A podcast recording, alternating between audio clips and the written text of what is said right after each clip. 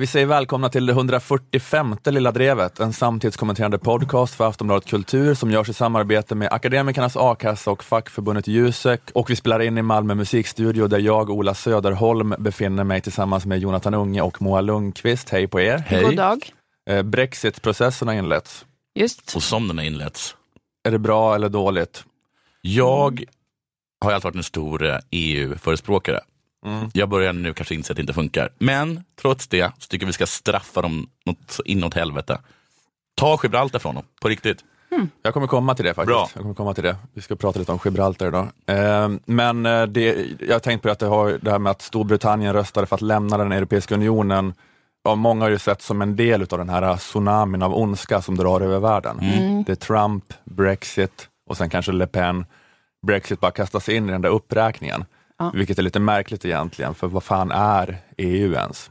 Mm. Det pratade vi tidigare om någon gång, att, eller du pratade om det Moa, att alla skulle håna britterna när folkomröstningen var för att de tydligen hade googlat på What is the EU? Mm, det var ett bra skämt efter det. Mm. Och alla bara, ha ha ha, inte konstigt Nej. att de röstade fel, mm. när de var så oinformerade. Mm. Ja men det är just det här, vad, vad fan är EU? Att det, det kändes som när man var 11 efter gympan och en i ens klass hade tryckt ut massa tvål i handen från toaletten och kastade på väggen i omklädningsrummet så att det rann ner från väggen och så ja. pekade han på en flytande tvålfläck och så sa han Haha, kolla det ser ut som en sats. Och alla bara haha skrattar nervöst. En sats? Va? En sats? Och alla bara grät av skratt i flera minuter över hur roligt det var att det såg ut som en sats. Konstigt gymnasieminne. Nej, det var det jag var, det var, det, det var elva sa jag. Alla bara grät av skratt i flera minuter över hur roligt det var att såg ut som en sats. Alltså sån härlig gemensam masspsykos där vi alla skrikskrattade åt ett skämt vi inte förstod. Och så var det då med att britterna inte förstod innebörden av Europeiska rådet och kommissionen och handelsavtalen. Mm. Vi bara, haha, haha, vet de inte vad det innebär och varför det är så viktigt? vet de inte kommission... vad kommissionens uppgifter är? Dum jävlar. Ja, det, var, det minns jag med glädje. Mm.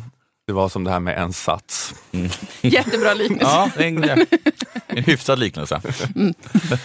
Var det så att faktiskt alla visste vad en sats var? Men det var en i gruppen som inte visste vad det var? Nej, det var just det att jag stod och skrattade högst. Och så, en sats, det är otroligt. Det ser ut som en sats. Sen så när jag, jag tänkte tillbaka på det minnet har jag rättfärdigat det som att det var ju bara han som pekade som visste vad en sats var. Sen skrattade vi alla andra nervöst. Jag vill inte dra den här historien när jag har reunion. Kommer ni ihåg när vi skrattade åt en sats och inte visste vad det var? Det var helt tyst. Ja, men det var bara det att jag, jag, man fattar här att vilken idiot som helst är kvalificerad att ha åsikten, jag är emot Trump. Mm. Men EU, EU, det är ju högt räknat tio glasögonormar i det här landet mm. som hade kunnat ge ett svar på frågan, vad är skillnaden mellan att vara med i EU och inte vara med i EU? Och, och det inte bara hade låtit som snömos.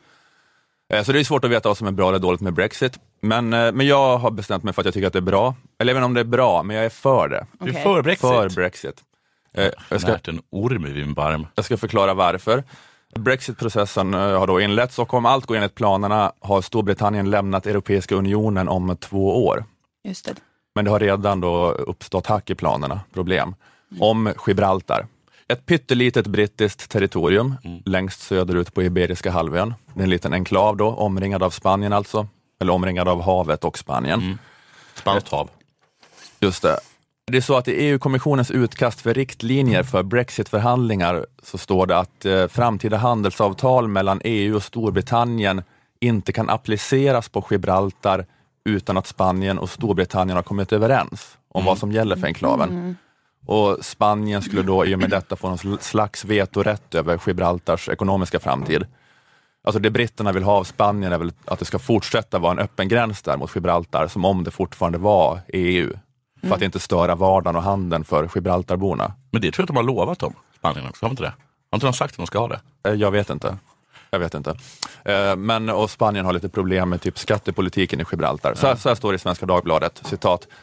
Även om detta i praktiken inte skulle innebära mer än att Spanien försöker tvinga Gibraltars styre att höja sin rekordlåga bolagsskatt på 10 procent ett rött skynke för spanska och andra EU-länders skattemyndigheter som ser inhemska förmögenheter och verksamheter strömma iväg till brevlådeföretag på Klipphalvön så utlöser obönhörligen varje spanskt krav kring Gibraltar häftiga gräl mellan London och Madrid. Slutcitat. Mm. Ja, det, jag tycker inte egentligen så viktigt att de här detaljerna i, vad som är eh, det lilla tjafset här. Nej, men det, det, här med England och skatteparadis. Mm. De har Gibraltar. Mm. Jag tror samma sak gäller på Isle of Man. Det, och Jersey kanske. Och Jersey kanske ja. Och Surrey eller vad ja, heter. Det. Och Kearney och Hurney. Och nu så har väl deras förslag varit att de ska göra hela England till ett, eh, till ett litet sån här offshore ö. Ja, det är så de har tänkt fucka oss. Ja. Att, Vad vi gör, vi gör, fan ska vi inte ta och göra hela England till ett för det kommer också bli så att eh, Skott, om Skottland lämnar så kommer England, eller Storbritannien utan Skottland bli, eh, bli i princip en enpartistat. Mm. Eh, för att ja, för Labour kommer aldrig någonsin vinna mm. utan Skottland. Så då kommer det bara vara Tories som kan genomdriva den. Vad gör de? Herregud. Som att han slår på stora ihåliga plåtlådor. Ja, ja okej. Okay. Mm. Um, ja, men att de, det kommer de kommer, ja exakt, det kommer vara Tory som kommer styra och de kommer kunna genomföra den här då, ja. eh, nyliberala fantasin.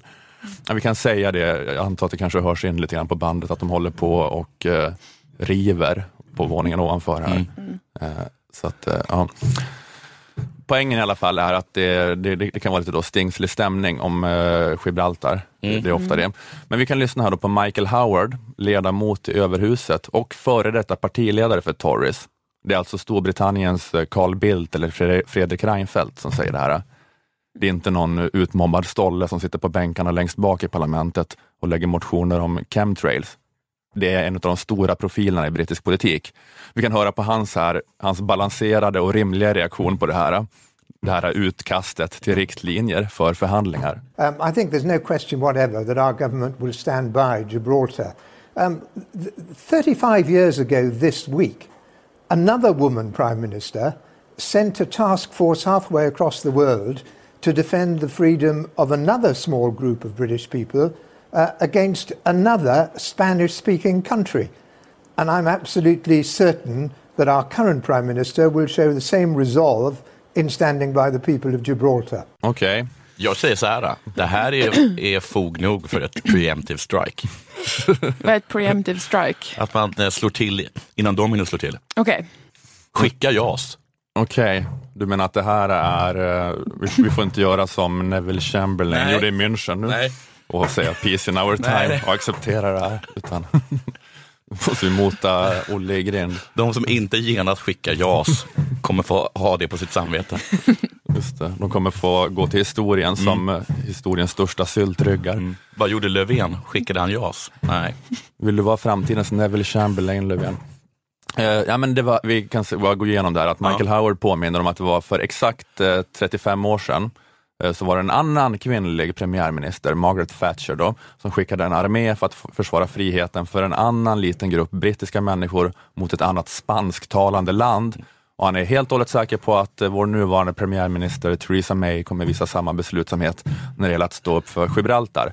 Och för de som inte hänger med här då, så drar Howard alltså upp kriget om Falklandsöarna mellan mm. Storbritannien och Argentina där.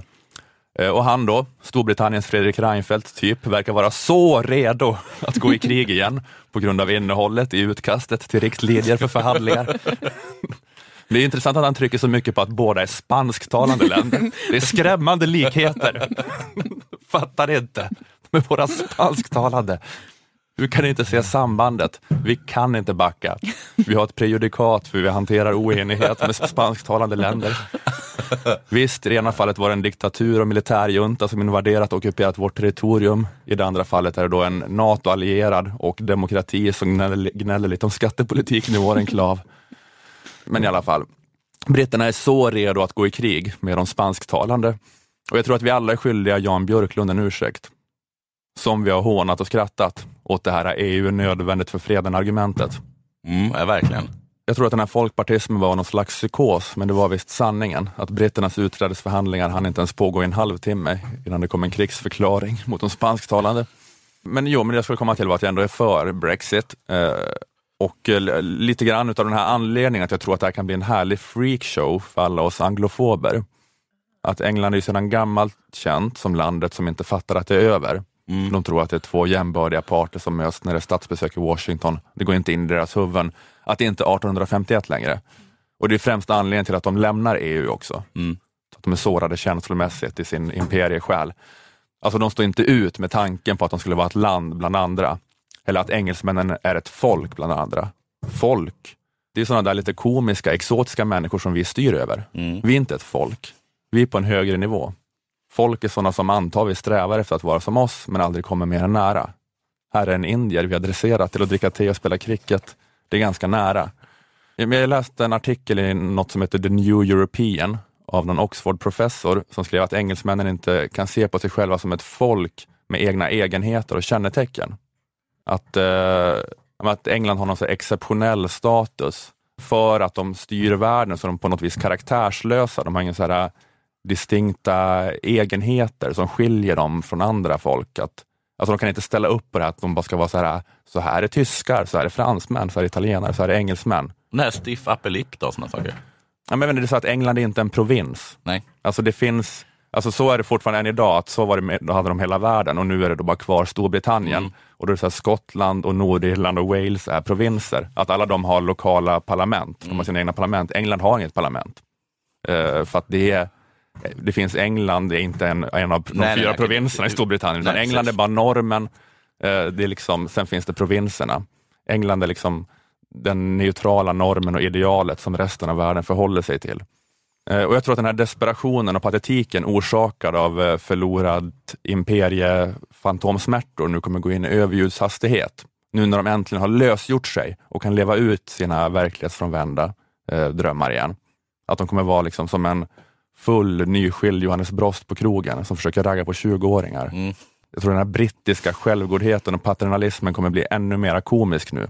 Ju mer marginaliserade och patetiska utstötta de blir, desto högre svansföring kommer de ha. Alla de här jävla inavlade lorderna, alla internatskolepervon kommer kåta upp sig över att kanske, kanske kan vi få krig om Gibraltar. Det har varit så tråkigt så länge, vi har varit tvungna att sitta där i parlamentet så länge och låtsas som att typ Österrike eller Belgien skulle vara våra jämlikar.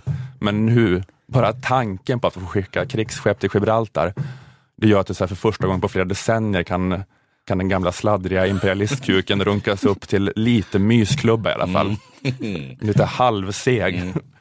Den är För på första gång, säger de. det rör på sig.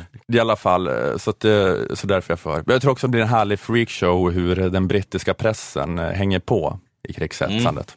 Att, eh, att Howard gör det här uttalandet, då gjorde The, The Telegraph direkt en peppig införartikel om hur brittiska armén ska krossa Spanien. Checklistan. I, i, I den artikeln eh, gick det bra. Rubriken var så här, Britain's Royal Navy is weaker than it was during the Falklands War. Sorgligt. Ja. Men sen under rubriken It could still cripple Spain. Men du vet det som hade, det här du diskuterade tidigare som tog upp i Slate, va? det här med att, eh, eller var det det, att, om att eh, engelsmännen har så, har så härliga minnen av krig. Ja, just att, att främsta argumentet, så här, urargumentet för EU är aldrig Ja. mer andra världskriget. Ja. Men engelsmännen känner, Ja, "Ja, ett till, lite." skulle nog kunna ta ett till. Men vad heter det? Och då, då kan jag verkligen tänka mig också att de, hur, de, hur de ser mer, liksom, eh, mer rosa rosa, rosa skimrande glasögon så, på, eh, på Falklandskriget, för det var ett sånt himla bra krig. Mm, Man, man gick dit och så kunde, kunde deras, eh, deras slagskepp skjuta mycket längre än vad de argentinska kunde. Ja, just det. Det det var var, liksom inte så mycket fara. just det. Ricky Gervais hade ett sånt nationalchauvinistiskt skämt Mm. om att det var som en eh, normal lång människa slåss med en dvärg. Ja, att den eh, håller liksom sin hand på pannan på dvärgen Ja. och så vevar dvärgens armar bara i luften. Ja. För att de bara kunde åka lite längre ifrån de argentinska skeppen. Ja. Och som Ron Atkinson hade i vad heter Blackadder, hur härligt det var med, med imperialistkrigen. Eftersom då hade engelsmännen vapen och motståndarna hade frukt. De, de har många härliga minnen av krig. Men det står då att läsa, vi går igenom den här Telegraph-artikeln. Det står att läsa att 1982, när britterna återtog Falklandsöarna, hade The Royal Navy 127 skepp. Nu är det bara 26 skepp som finns i Oj, aktiv service. Men i artikeln försäkrar Chris Perry, han är sjöofficer som arbetar på försvarsdepartementet, att Storbritanniens militära kapacitet övertrumfar Spaniens avsevärt. Okej. Avsevärt. Avsevärt, säger han. Perry slår fast att brittiska armén är kvalitativt tre gånger mäktigare än den spanska. Vår kapacitet att åsamka dem skada är mycket större. Perry avslutar, vi kan lamslå dem, de spansktalande alltså, på medellång sikt och jag tror att amerikanerna kommer stötta oss också. Känns lite, lite del- delusional. Alltså ska, ska USA hoppa med i det här projektet och vi hoppar på en NATO-allierad? USA som knappt orkade ta sig in i andra världskriget först när de själva blev bombade. Så ska de, de, ska de dra iväg för att försvara Gibraltar? Alltså man, man är ju tvungen att döda en ganska stor del amerikaner innan man kan få in dem i ett uh, europeiskt krig. Ehm. Mm, det är otroligt. Ja, Ja. Det, det, det, det, det är som att uh, någon skämtar med oss. ja exakt. Det går inte att flytta så här högljutt. Nej. högljutt. Det går inte, eller det går inte att riva så här högljutt. Nej. Okej, jag har, eh, det här är då min eh, tes om varför jag är för Brexit. Fast jag tror det blir spännande Mm. att följa. Det blir som ett skådespel du kan följa. Exakt, det här eh, förorättade sänkta imperiet som Mm. blir mer och mer hysteriskt och patetiskt. Att det kommer bli kul. Eh, och det har varit lite svårt att ta sig igenom den här eh, tesen nu då, för att de håller på och river här uppe. Men eh, nu är vi nästan klara efter många om och men. Eller jag vet inte vad jag skulle komma fram till. Jag jag kan bara läsa avslutningen på den här The Telegraph-artikeln. Säger den här Chris Parry då. Spain should learn from history that it's never worth taking us on and that we, sh- and that we could still singe the king of Spain's beard. Eh, Fan om vi inte ska anfalla på riktigt. Det sista är ett uttryck från något slag på 1500-talet då någon brittisk general besegrade spanjorer. Och man sa då att han hade, att han hade bränt, singed the king of Spain's beard. Kommer ni inte ihåg 1500-talet? Ja, exakt, men de har bara de härliga, den härliga andan liksom. Och sen är det då oviktigt att nu är vi 0,75 procent av jordens befolkning och det är inte så att vi kontrollerar all arbetskraft alla råvaror på hela planeten, utan det är andra som har industrialiserats också. Så det är, ja precis, men det blir kul att följa.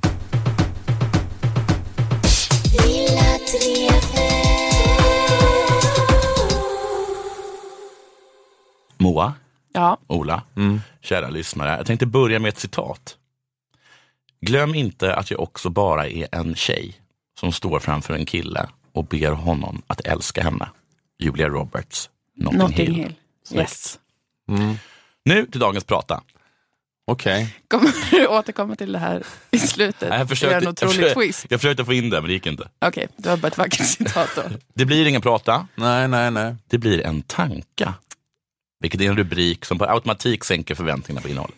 Mm. Smart va? En tanka. Mm. Så en tanke då. En tanke. Eh, ämnet för då, va? Va, Nej, nej, jag bara försökte förstå vad tankar var. Eller, Är det en va- va- va- prata? varför, varför du inte kallar det för en tanke? Det blir en tanke. Därför att det, därför det, blir inte, det går inte ihop med en prata. Ja, det är en blandning Ah, ja. mellan att tänk, en, en tanke och en prata. Ja, precis. En tanka. Ämnet för dagens funderingar är religiösa friskolor. Mm. Eller som det egentligen heter, konfessionella skolor. Just det. Stämmer detta? Mm. Wikipedia. Enligt läroplanen för det obligatoriska skolväsendet, LPO 94, ska verksamheten i skolan vara icke-konfessionell. Detta gäller dock inte fristående skolor och förskolor som enligt skollagen, SFS 210 kolon 800, första kapitlet, sjunde paragrafen, får ha en konfessionell inriktning. Undervisningen måste dock vara icke-konfessionell. Mm. Och den här informationen hade ju varit bra mycket mer hjälpsam om vi visste vad konfessionell betyder. Ja, det hade hjälpt. Tyvärr vet vi inte det. Nej, det går inte att ta reda Mm. på heller. Att vi nu tänker om konfessionella skolor beror ju på Kalla faktas avslöjande. Ja, just det. Det var igår kväll, i- idag onsdag när vi spelar in, så Mm. visades Kalla fakta. Ja, men jag har bara sett att det var, som man brukar säga, ett jävla liv på Twitter. Men jag har inte Mhm. sett eh, programmet. Nej. Eh, om hur en muslimsk friskola i Vällingby i Stockholm könssegregerade sina skolbussar. Pojkarna fick kliva på bussen och sitta fram, flickorna fick sitta där bak. Just det. Och jag fick även gå på där bak. Vad hade Rosa Parks tyckt om det? Det la jag till nu. Ja, Skolledningen förnekar all kännedom om det här. du är inte först med det skämtet. Är det så? Nej, eller den, nej Ah. precis. Är det så på riktigt? Ja. Ja, det är ganska Det är väl uppenbart. klart. Jag börjar, bli, jag börjar bli gammal. Du är, du är en komiker lika mycket i framkant som, SV, som SVDs ledarredaktion. Ja, det gjorde ont. Ja, men de är rätt eh, heta nu. Man måste kunna ta skit också. Ja. Skolledningen förnekade all kännedom om detta, samt eh, att det inte var så. Ja. Okej, De visste inte vad det var, men det var inte heller så. det var inte så. Alltså, Nej, det var inte könssegregering med dem, utan det var på grund av att äh, de stökiga eleverna var tvungna att sitta fram. Ah. Och alla stökelever var pojkar. Just och det. alla pojkar var stökiga. mm. Vilket lät som de hade dragit ur räven, tycker jag. Mm. Ur räven? Men vad vet jag? Mer fakta. Mm. Enligt Skolverkets statistik för läsåret 2006-2007 fanns det totalt 64 fristående gru- grundskolor med konfessionell inriktning. Fem fristående gymnasieskolor med konfessionell inriktning. Av 69 godkända konfessionella skolor ha- hade åtta en islamsk muslimsk profil, tre en judisk och 49 en kristen profil. Frågan man då ställer sig är, vad är poängen med konfessionella friskolor? Ja, jag tror att jag, jag har också varit inne på det här någon gång, att det, att det är väldigt speciellt, att det är svårt, lite vagt för att eh, det får absolut inte märkas i undervisningen. Nej, Nej. just det. Men Bara vad är- inredningen. Och bara, vad är poängen med dem? Om vi bara lämnar frågan om huruvida de är bra eller inte åt sidan en minut, så vad är grejen? Man kan ju argumentera för rätten att få sätta sitt barn i en konfessionell skola. Vi har ju religionsfrihet, skolval och rätten att slippa bli tvingad av staten i frågor staten inte har någon anledning att sticka sin näsa i. Men vad är poängen med dem? Ehm, ja, jag vet inte, det är väl att man ska få en eh, trygg skolmiljö för sin, sitt kristna eller muslimska barn. Mm, Jag vet inte. mm, Att Mm. Det kanske kan vara en väg in i eh, samhället, skulle kanske en som förespråkare i systemet säga att eh, det finns muslimska friskolor, för då Mm. känner föräldrarna att eh, skolmiljön är trygg för, för barnen. Och, att de blir eh, retade annars. Eller slagna. jag, alltså jag, nu försöker jag bara gissa vad sådana som Mm. förespråkar för det här systemet skulle säga. Vi går igenom lite olika alternativ. Är det för att det är så besvärligt med maten? Mm, just det. Att det alltid ska finnas kosher slash halal alternativ. Mm, Det förklarar ju inte kristna friskolor i så fall. nej. Och dessutom så kan man inte äta fil Det är en klassiker. Och råkost. och råkost såklart. Mm. Eller är det för att man vill att ens barn ska lära sig om sin religion? Mm. Men vem behöver så många timmar för att lära sig om sin religion? Hur mycket kan man lära sig? Efter ett halvår har man nog fått i sig i alla fall det mest nödvändiga, Mm. gissar jag. Ja. Åtta timmar, fem dagar i veckan i sex månader. Sitter inte efter den tiden, då är det något fel på ungen. Eller religionen. Ja, men liksom vad fan, alltså, vad, är Felet, det, felet är att Gud inte finns. vad är det man ska lära sig? Så, så himla mycket. Inget annat ämne håller man ju på med så himla mycket. Men det är ju också det att de får ju inte hålla på med religionen Nej, de får inte göra det. Så att, Så att- Vad var i miljön Så vad är poängen då?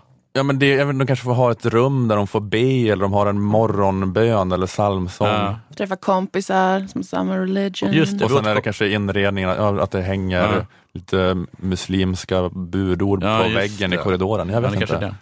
Eh, mycket av det skolan gör nu eh, borde ju kunnas och har kunnat eh, skötas utanför skolan. Jag tänker till exempel på uppfostran. Det brukar de klaga över i skolan. Att nu är vi tvungna att eh, uppfostra barnen. Vi ska inte hålla på och uppfostra. Det får föräldrarna göra.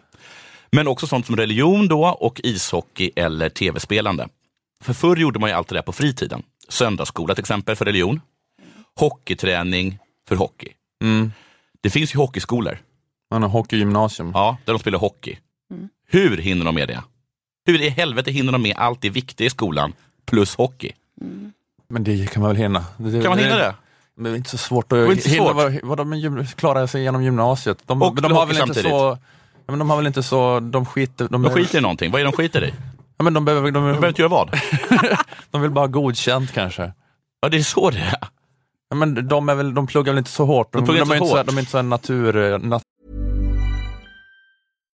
Millions of people have lost weight with personalized plans from Noom, like Evan, who can't stand salads and still lost 50 pounds. Salads, generally, for most people, are the easy button, right? For me, that wasn't an option. I never really was a salad guy. That's just not who I am. But Noom worked for me. Get your personalized plan today at Noom.com. Real Noom user compensated to provide their story. In four weeks, the typical Noom user can expect to lose one to two pounds per week. Individual results may vary. turer som ska ha jättebra betyg. Kan de inte, kan de inte bara plugga inte så hårt i en vanlig skola också och sen gå och spela hockey på fritiden? Om det är bara så att de behöver G i allt. Ja, okej. Eller är det vissa ämnen då som inte är så viktiga?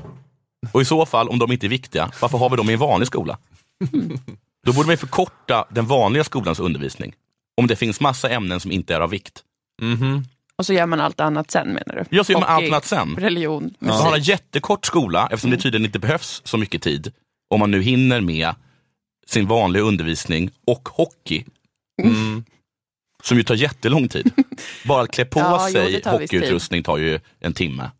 Men jag menar, de kanske är i skolan mycket längre, de som också spelar hockey i skolan. Att det är som, eh, att jag gick inte till något sånt sportgymnasium, så, så när jag gick hem från skolan på gymnasiet så var de som gick sportgymnasium kvar i två timmar och spelade hockey. Ja, men då behöver de inte ha ett hockeygymnasium. Då kan de bara direkt efter den vanliga skolan åka till hockeyträningen. Ja visst, Fy visst. fan, vad dumt. absolut, absolut. Ja, men nu, Ja. arg när jag tänker på det. Eller så är det faktiskt så att det finns massa ämnen som vi inte behöver läsa. Då kan vi ta bort dem. Mhm. Ja. Huh! Eller är det liksom att det ska genomsyra snarare? Att det ska finnas lite allt. Lite som musikskolorna. Ta Adolf Fredrik till exempel. Det är inte musik varje timme, Nej. eller hur? Men det talas och genomsyrar hela verksamheten. På rasten sitter man i en fiol, ja, eller på en gitarr. bänk, eller en gitarr, Mm, sjungit tillsammans. eller maracas. Ja, tamburin. Och på skolutflykterna så sjunger man i bussen Yes. hela tiden. Okej. Allt är musik. Och det måste ju också vara tanken bakom konfessionella skolor. Att allt ska genomsyras av en religion. Ja, men, eh, men det, får, det får liksom inte påverka själva innehållet i Nej, undervisningen. Man måste bara- ändå lära, lära sig matte och biologi på samma sätt. Men, men det är bara någon så här aura utav Stämning religiositet kring det. Man får den där uh, heliga blicken. Man får, en, man, får, man får en mattelärare med en helig blick. Och att man hela tiden ska vara, och jag tror också det att man hela tiden ska vara omgiven av personer med samma religion. Det ska genomsyra allt om alla runt omkring den ska ha samma religion. Då är väl det indoktrinering. Det kanske inte är något fel med det, men det är väl vad det är. Blir ju, ja, blir Om du är i en miljö som genomsyras av en viss tanke och där alla tycker likadant och är av samma tanke. Då är det i alla fall ett försök till indo- indoktrinering. Nu är det så att vissa skolor, sådana här konfessionella skolor, är antagligen inte lika illa som andra. Men ta bara den judiska skolan i Stockholm, som är väl ett, man brukar hålla fram som ett gott exempel. Har du gått där? Nej. Och nu ska jag ta ett enda exempel, men det är inte taget ur sitt sammanhang. Jag träffade en vän på stan. Hon hade gått i en judiska skola. Jag sa, glad advent. För det var den första advent. Och hon svarade, va? Vad är advent? Du Hur? ko- koketterar hon ju bara. Ja, men det är illa nog. Jag är så judisk. Hur kan man leva i Sverige och inte veta vad advent är? Då har man ju ansträngt sig för att inte vara en del av svenska samhället. Ja. Och bästa exemplet är de kristna konfessionella skolorna. Där trots att man bor i ett kristet land måste sätta sina barn i en kristen skola. Trots sina kristna föräldrar och sin, gissar jag, kristna fritid. Med kristna vänner och säkert kristna semestrar. För att de ska känna sig kristna och lära sig av kristendomen. Hur jävla jag-svag och identitetsosäker är man inte då? Samt dum. Om man inte hela tiden, 24 timmar om dygnet, av allt och alla blir påmind om att man är kristen jude eller muslim. För annars glömmer man bort det. Är de guldfiskar? är de guldfiskar? Men, men, det är, men det är något där med att, de, eh, att det är indoktrinering, säger du, för att eh, det allt genomsyras av en tanke. Men, men, det, men det är så svårt för att det, man blir, alla, alla blir indoktrinerade i skolan. Man blir indoktrinerad i något. Det är ju en miljö som man påverkas av. Ja. Och alla kanske då blir indoktrinerade i någon slags sossighet när Ja. går i skolan. Så kan vi säga. Men då har vi alla blivit in- indoktrinerade av societeten. Men det, jag tycker ändå att alltså Det konsekvens, kanske, det kanske är det är fel. Det kanske- kanske är man ta argumentet. Ja men det är väl det som är argumentet för friskolor antar jag, att folk eh, ska kunna, att man inte ska tvinga in alla i samma form. Nej. Men så är det väl att det är, det är, det är väl två sidor av myntet, att, eh, jag menar att många tycker att det är dåligt med friskolor för att det eh, sabbar det här liksom då, enhetliga, liksom, neutrala skolan där alla går en jämlik skola. Ja. Och folk, så här, eh, folk eh, drar sig till varandra i små grupper och så. Men eh, jag menar, förlängningen av din argumentation här är, är väl kanske att man måste stoppa alla friskolor, eller? Ja, det är min, eh, min åsikt. Mm. Och hockey. Men då får vi säga välkommen till, eh, till Socialismen. kommunismen. nu är det officiellt. Det här är allt tröttare och tröttare borgerliga alibit. Vi, vi kan lägga ner det nu. Ja, men vi tar bort sossigheten då och har eh, svenskvänlighet istället då, som genomsyrar oss. Ja, okej. Nu blev SD istället. Vad sa du nu då? I panik, I panik så kom du ut som SD istället. När det visade sig att du resonerar dig fram till socialismen. Okej, men då så. Då är i alla fall överens om att det är indoktrinering och man vill separera från något annat. Vad det är lite luddigt då. Men säg sossigheten då, eller svenskvänlighet. Ja. Jag menar bara att jag tror inte man behöver det. Jag tror inte man behöver gå i en skola för det.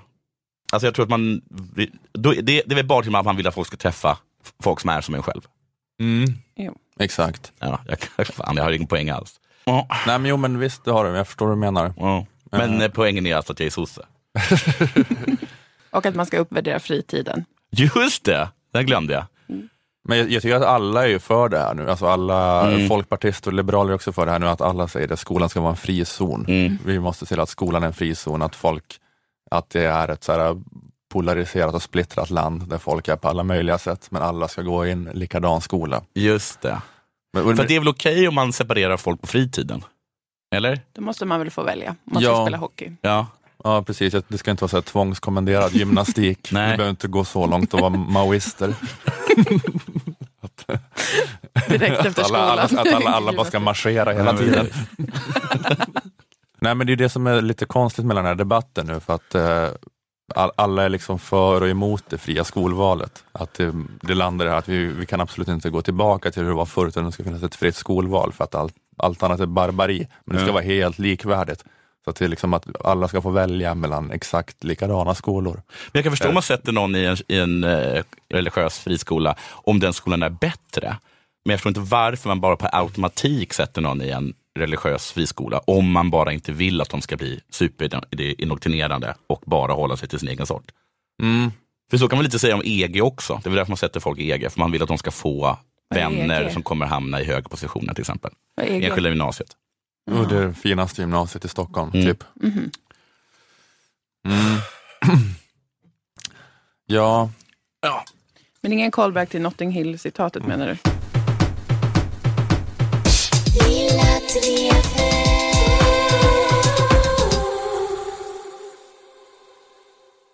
Vi vill tacka våra sponsorer, eh, vilket ni alla borde göra som gillar den här podden och gillar trygghet i arbetslivet. För Lilla Drevet görs i samarbete med fackförbundet Jusek och Akademikernas A-kassa.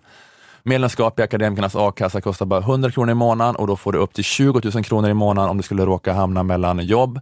Vi sponsras också av fackförbundet Jusek. Många akademiker tjänar ju betydligt mer än a-kassetaket och kan därför drabbas av ett stort inkomstbortfall om de förlorar jobbet. Därför bör man även vara med i facket. Är du med i Jusek och tar del av deras inkomstförsäkring så är du skyddad ända upp till 80 000 kronor. 80 procent av lönen upp till 80 000.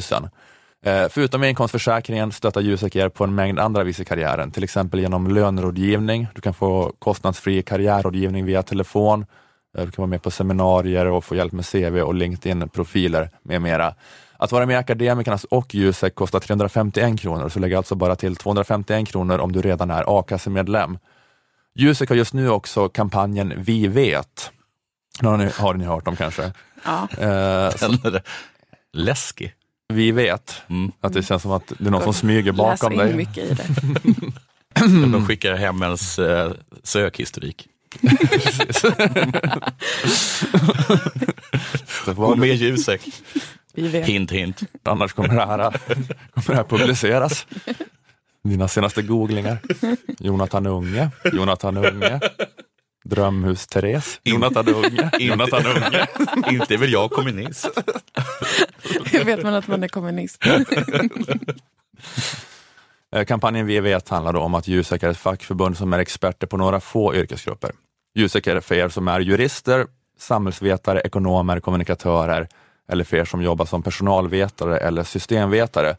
Och Det kan vara en fördel jämfört med vissa andra av de stora fackförbunden som har eh, oändligt många yrkesgrupper som trängs under paraplyet. Mm. Men då har Jusek bara sex och, och har därmed koll på just deras behov. Så det är Vi vet. Jusek vet vad just du behöver. Så om du tillhör någon av de sex yrkesgrupperna jag nämnde kan du ansöka om medlemskap i Jusek och just nu får du också ett riktigt bra erbjudande om du går in på kampanjsidan jusek.se snedstreck vi vet. Otroligt bra. Vi säger inte här, du måste gå in och kolla. Det är, det är ett clickbait, eller Ja. vad man säger. Det är det. Vi kan släppa en reaction-video när någon av er kollar, går in på jusek.se snedstreck vi vet. Jonathan gick in på Vi vet kampanjsidan, du kan inte ana vad som hände sen. Det, är, eh, nej, men det, det är ett eh, supererbjudande där. Tar du steget och går med i Akademikernas a-kassa och snedstreck eller fackförbundet Jusek tack vare den här podden får du gärna berätta om det i din ansökan. Du kan också skriva det i sociala medier under hashtag lilla, lilla drevet.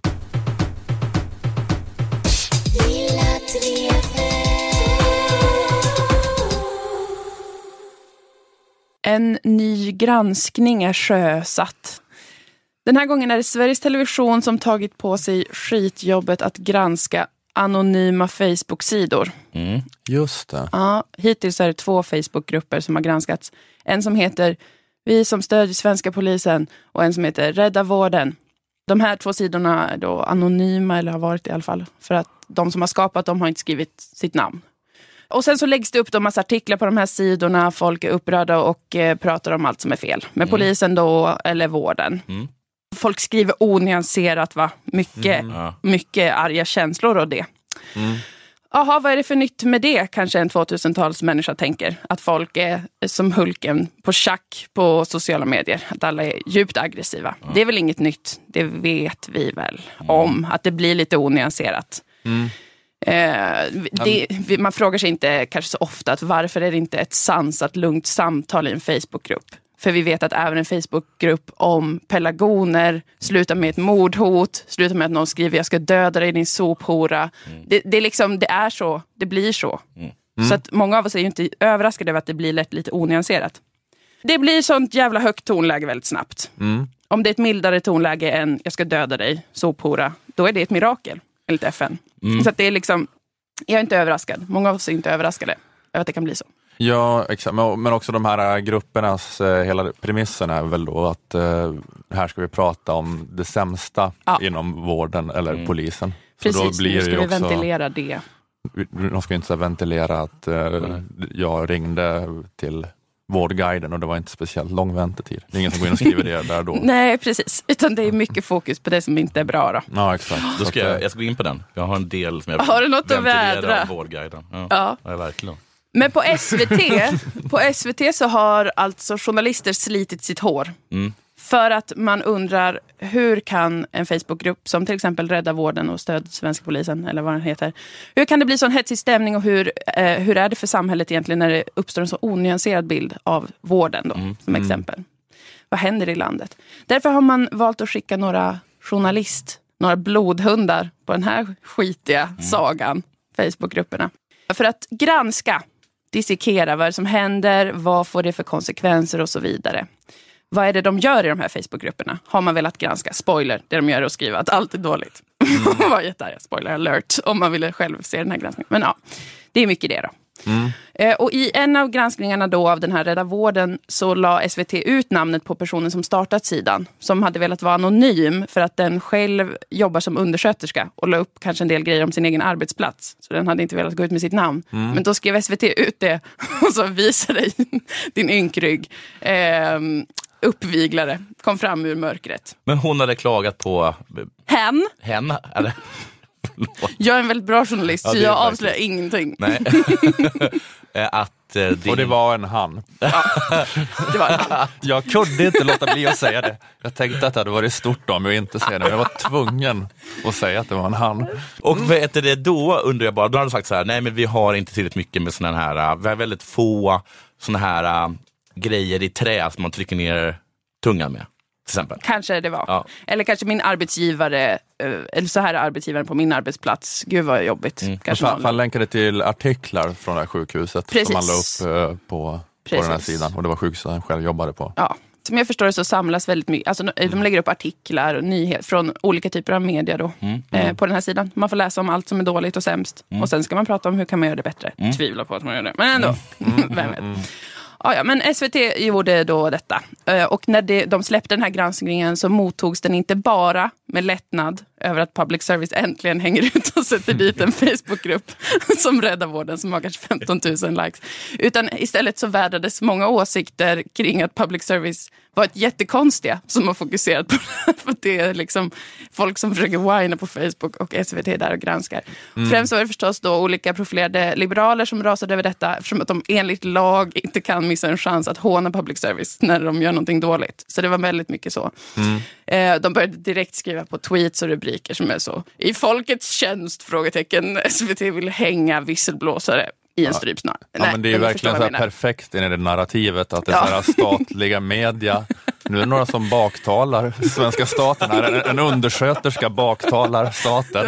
Och då bara skickar vi liksom ut våra politiska kommissarier liksom, och krossar den jäveln. Det var så himla perfekt. För, för det. Var också underrubriken, och ni kommer inte tro det, det var en han. Skulle man lagt till. Ja, ja, så, så det, folk, eller många blev upprörda över här, den här granskningen och det här greppet. Men det hänger fortfarande en fråga över oss som är varför är Facebookgrupperna så viktiga för SVT att granska? Mm. Karin Ekman som är chef för sociala kanaler på SVT Nyheter motiverade granskningen så här, citat. Dessa dolda opinionskrafter överger och trasar sönder den öppna samhällsdebatten och de fria samtalen. Vilka är de? Vad vill de? Och varför? SVT behöver få veta svar på de här frågorna. Vilka är de här personerna som är med på Facebook och skriver mm. taskiga saker om Sverige och om vården, polisen eh, eller hur det är upplagt? Vad vill de och varför? Varför trasar de sönder den öppna samhällsdebatten? För att mm. de njuter av det? frågetecken. Är det i så fall lagligt? Två frågetecken. SVT menar att de här dolda opinionskrafterna också är farliga, främst för att de är alarmistiska och skapar en krisig och kaosig bild av det svenska samhället. Det är dock inte alarmistiskt att skriva att dolda opinionskrafter trasar sönder den öppna samhällsdebatten enligt SVT. Det är bara en vanlig spaning. De trasar sönder det vi trodde var det enda vi kunde bygga vårt samhälle mm. eh, Men så att alla förstår att det här kan ju inte vara den verkliga anledningen till att SVT granskat anonyma Facebook-sidor. Det är för, för dumt ju. Det kan inte vara förklaringen att de, att de på riktigt tror att det trasar sönder den öppna samhällsdebatten och är alarmistiskt. Nej, jag vet inte riktigt. Det kan inte vara det. Vi Nej. bestämmer det. Det finns något annat. Det är ett för konstigt move. Det är inte helt normalt gjort. Eh, det är inte normalt att vara så besatt av en Facebookgrupp som består av olika folk som bara är svinsura. Mm. Och som är bra på att kommentera och hitta på elaka ord kanske. Det räcker inte som motivering till varför man måste göra detta från SVT Nyheters sida. Eller sociala kanaler, jag vet inte om det är någon särskild liten grupp, en liten särskild instans inom SVT. Det kan tänka mig det. Det måste nästan vara det. Ja. För det är inte, SVT Nyheter är väl en jättestor organisation, så att säga. Men de har reportrar som jobbar på sociala kanaler? Ja, men det måste vara det. Att ja. de har blicken på specifikt vad som händer på sociala medier. Mm, mm, mm. skulle jag utgå från. Mm. Men ändå, de har ju pinpointat detta som, som något som måste granskas, dras ut i ljuset och så säger de att anledningen är att det trasar sönder den öppna samhällsdebatten. Är det P1 Morgon i Studio 1 som alltid slutar med att de vänder sig mot någon eh, sociala medier-expert och frågar vad har folk tyckt om oss på Twitter? Då? Nej, jag... Det är P1 Morgon. Det är P1 Morgon. Ja, en skrev att det det här är skit. Eller, eller, ja. Vad tyckte hela internet idag då? En statistisk undersökning. Mm. Eh, men jag har skrivit ner anledningar till granskningen som är mer troliga än att SVTs sociala kanaler på riktigt bedömt att en anonym Facebookgrupp trasar sönder den öppna samhällsdebatten. Alternativ anledning nummer ett, sysselsättning. Man mm. måste ha något att göra när man jobbar på sociala kanaler på SVT Nyheter, eller hur? Mm. Även de, alla de journalisterna, jag vet inte hur många det är, och det enklaste att göra då är ju att just vara inne på sociala medier. För att känna att man gör någonting, man jobbar, men man behöver inte gå ut, man behöver liksom inte hålla mm. på så jävla mycket. Utan man sitter inne på sina sociala kanaler och då blir det väldigt lätt så att man börjar uppleva att det är hela verkligheten. Mm. Det var också så att den här som startade Rädda Vården, han sa så här, ja men jag tror att de flesta förstår att det här är en sida av den här storyn de som skriver här, det vi lägger upp här, det är missnöje. Mm. Vi tar inte med hela bilden, det tror jag att alla begriper. Och de på SVT bara, tystnad. Va? Va? Tror de inte att det här är exakt hela bilden av vården? Ja men det är som att eh, SVT skäller ut dem för att de inte tar ett public service-ansvar på något vis. ja. Och jag har en balanserad bild. Precis. Och att de på, som har gjort den här granskningen kanske har varit inne så fruktansvärt mycket på Facebook och liknande. Att det känns som att det är så att det som händer där är allting. Det är mm. inte en omöjlig anledning skulle jag säga. Eh, att om man börjar tro att det liksom är som en opinionsundersökning att vara inne på en Facebookgrupp. Att man tror att det är samma sak. Men du har en sorts Facebook-förbud för de som jobbar med sociala medier på SVT Nyheter. För de ska Nej. lugna ner sig lite ett tag. Ja, men de kanske skulle kunna gå ut och ta en kopp kaffe någon gång under dagen. Men det skulle kunna vara en alternativ anledning. Det skulle också kunna vara en anledning att SVT har slumpat fram en granskning bara med hjälp av tärning. Alternativ tre skulle kunna vara att det är fortbildning de håller på med. För att det är allmänt känt att public service försöker nå ut och tilltala fler människor via sociala medier. De håller på att försöka begripa hur ska man göra det. Det går lite trögt, för tekniska utvecklingen går ju jättesnabbt alltså. Och det senaste SVT har gjort, det är ju att de har gjort en sån här satsning att någon på SVT får skriva alla Facebook-uppdateringar om deras program. Så här, eh, ikväll är det Bonusfamiljen och där går det hett till, men vad ska hända? Fundersam emoji, hjärtemoji, dansande emoji. Ja, de gör sådana emoji-uppdateringar. Precis, och som är så. Se den hysteriskt roliga sketchen där Johan Glans går på lina. Stjärn-emoji, skrattande emoji och så vidare. Så de har försökt göra, liksom, det är uppenbart att de måste de försöker hitta något sätt på sociala medier. Men som kanske inte har gått jättebra. Så att en, ett sätt skulle ju då vara för dem att granska alla de här grupperna för att se hur kan de bli så otroligt populära. Hur kan de ha så hög interaktivitet med sina likers på Facebook. Skulle kunna vara en anledning. Skulle också kunna vara en anledning att det bara är en tokrolig missuppfattning. Att SVT på riktigt trodde att de som skriver i sådana här Facebookgrupper är folkvalda och avlönade och besitter politisk makt. Och att de tror att de i riksdagen är vanligt folk som jobbar i vården. Och därför så blev det en sån eh, typisk fars som uppstod. Där de inte kunde hejda sig själva. Alltså någon, någon av de alternativa anledningarna tror jag att det måste vara för att kan inte riktigt köpa eh, SVTs förklaring, eller chefens förklaring. Men var det inte så i public service att man så här inte avslöjade vad mördare hette? Men nu så hänger man ut folk som, eh, som är neggiga mot eh, väntetiden på vårdcentralerna. Och då får de säga, eh, söka igenom alla så här insändarsidor också. Bengt 89 heter Bengt Johansson. Han tror inte på klimathotet. Stå för vad du tycker, Bengt Johansson. Sluta trasa sönder debatten. Den öppna samhällsdebatten. Sluta trasa sönder den med din sura stil. Oroad pensionär. Ingrid Stefansson. Nu står vi här utanför oroade pensionärshus. Nu ska vi bara gå in och trycka upp en kamera i Se lika ansiktet på henne. kaxig när vi granskar henne.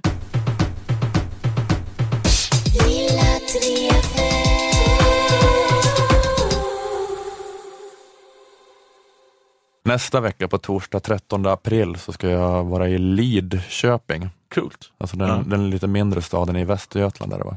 Som har Inte ett, den ö- eh, ö- östgötska staden. Som Villa Lidköping kommer ifrån. Just det. Ja, jag ska där uppträda på Droppa micken Comedy Club, Mm. heter det, i Lidköping.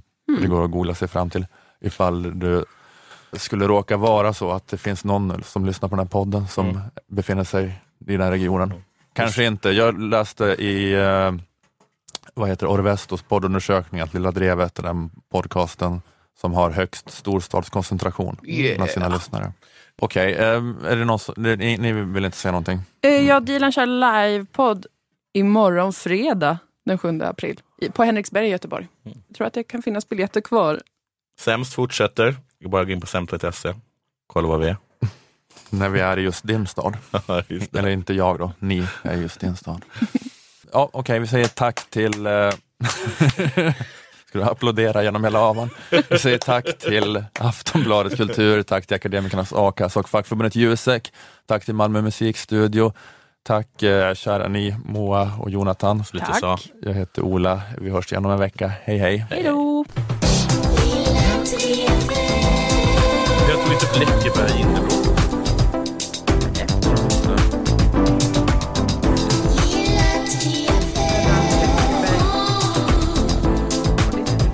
Det är hästkonstigt. Jag skulle jättegärna vilja vara en och göra en undersökning på hur hårt tobaksbolagen har lobbat för att få igenom så konstiga bilder som möjligt. Att de säger, Då säger ingenting om det. Det var bara... det är de nya bilderna. Eh, Han haft stroke eller en funktionsnedsättning. Och är han hennes barn? Eller? Eller älskare, det är Läckerberg. Läckerberg och Simon.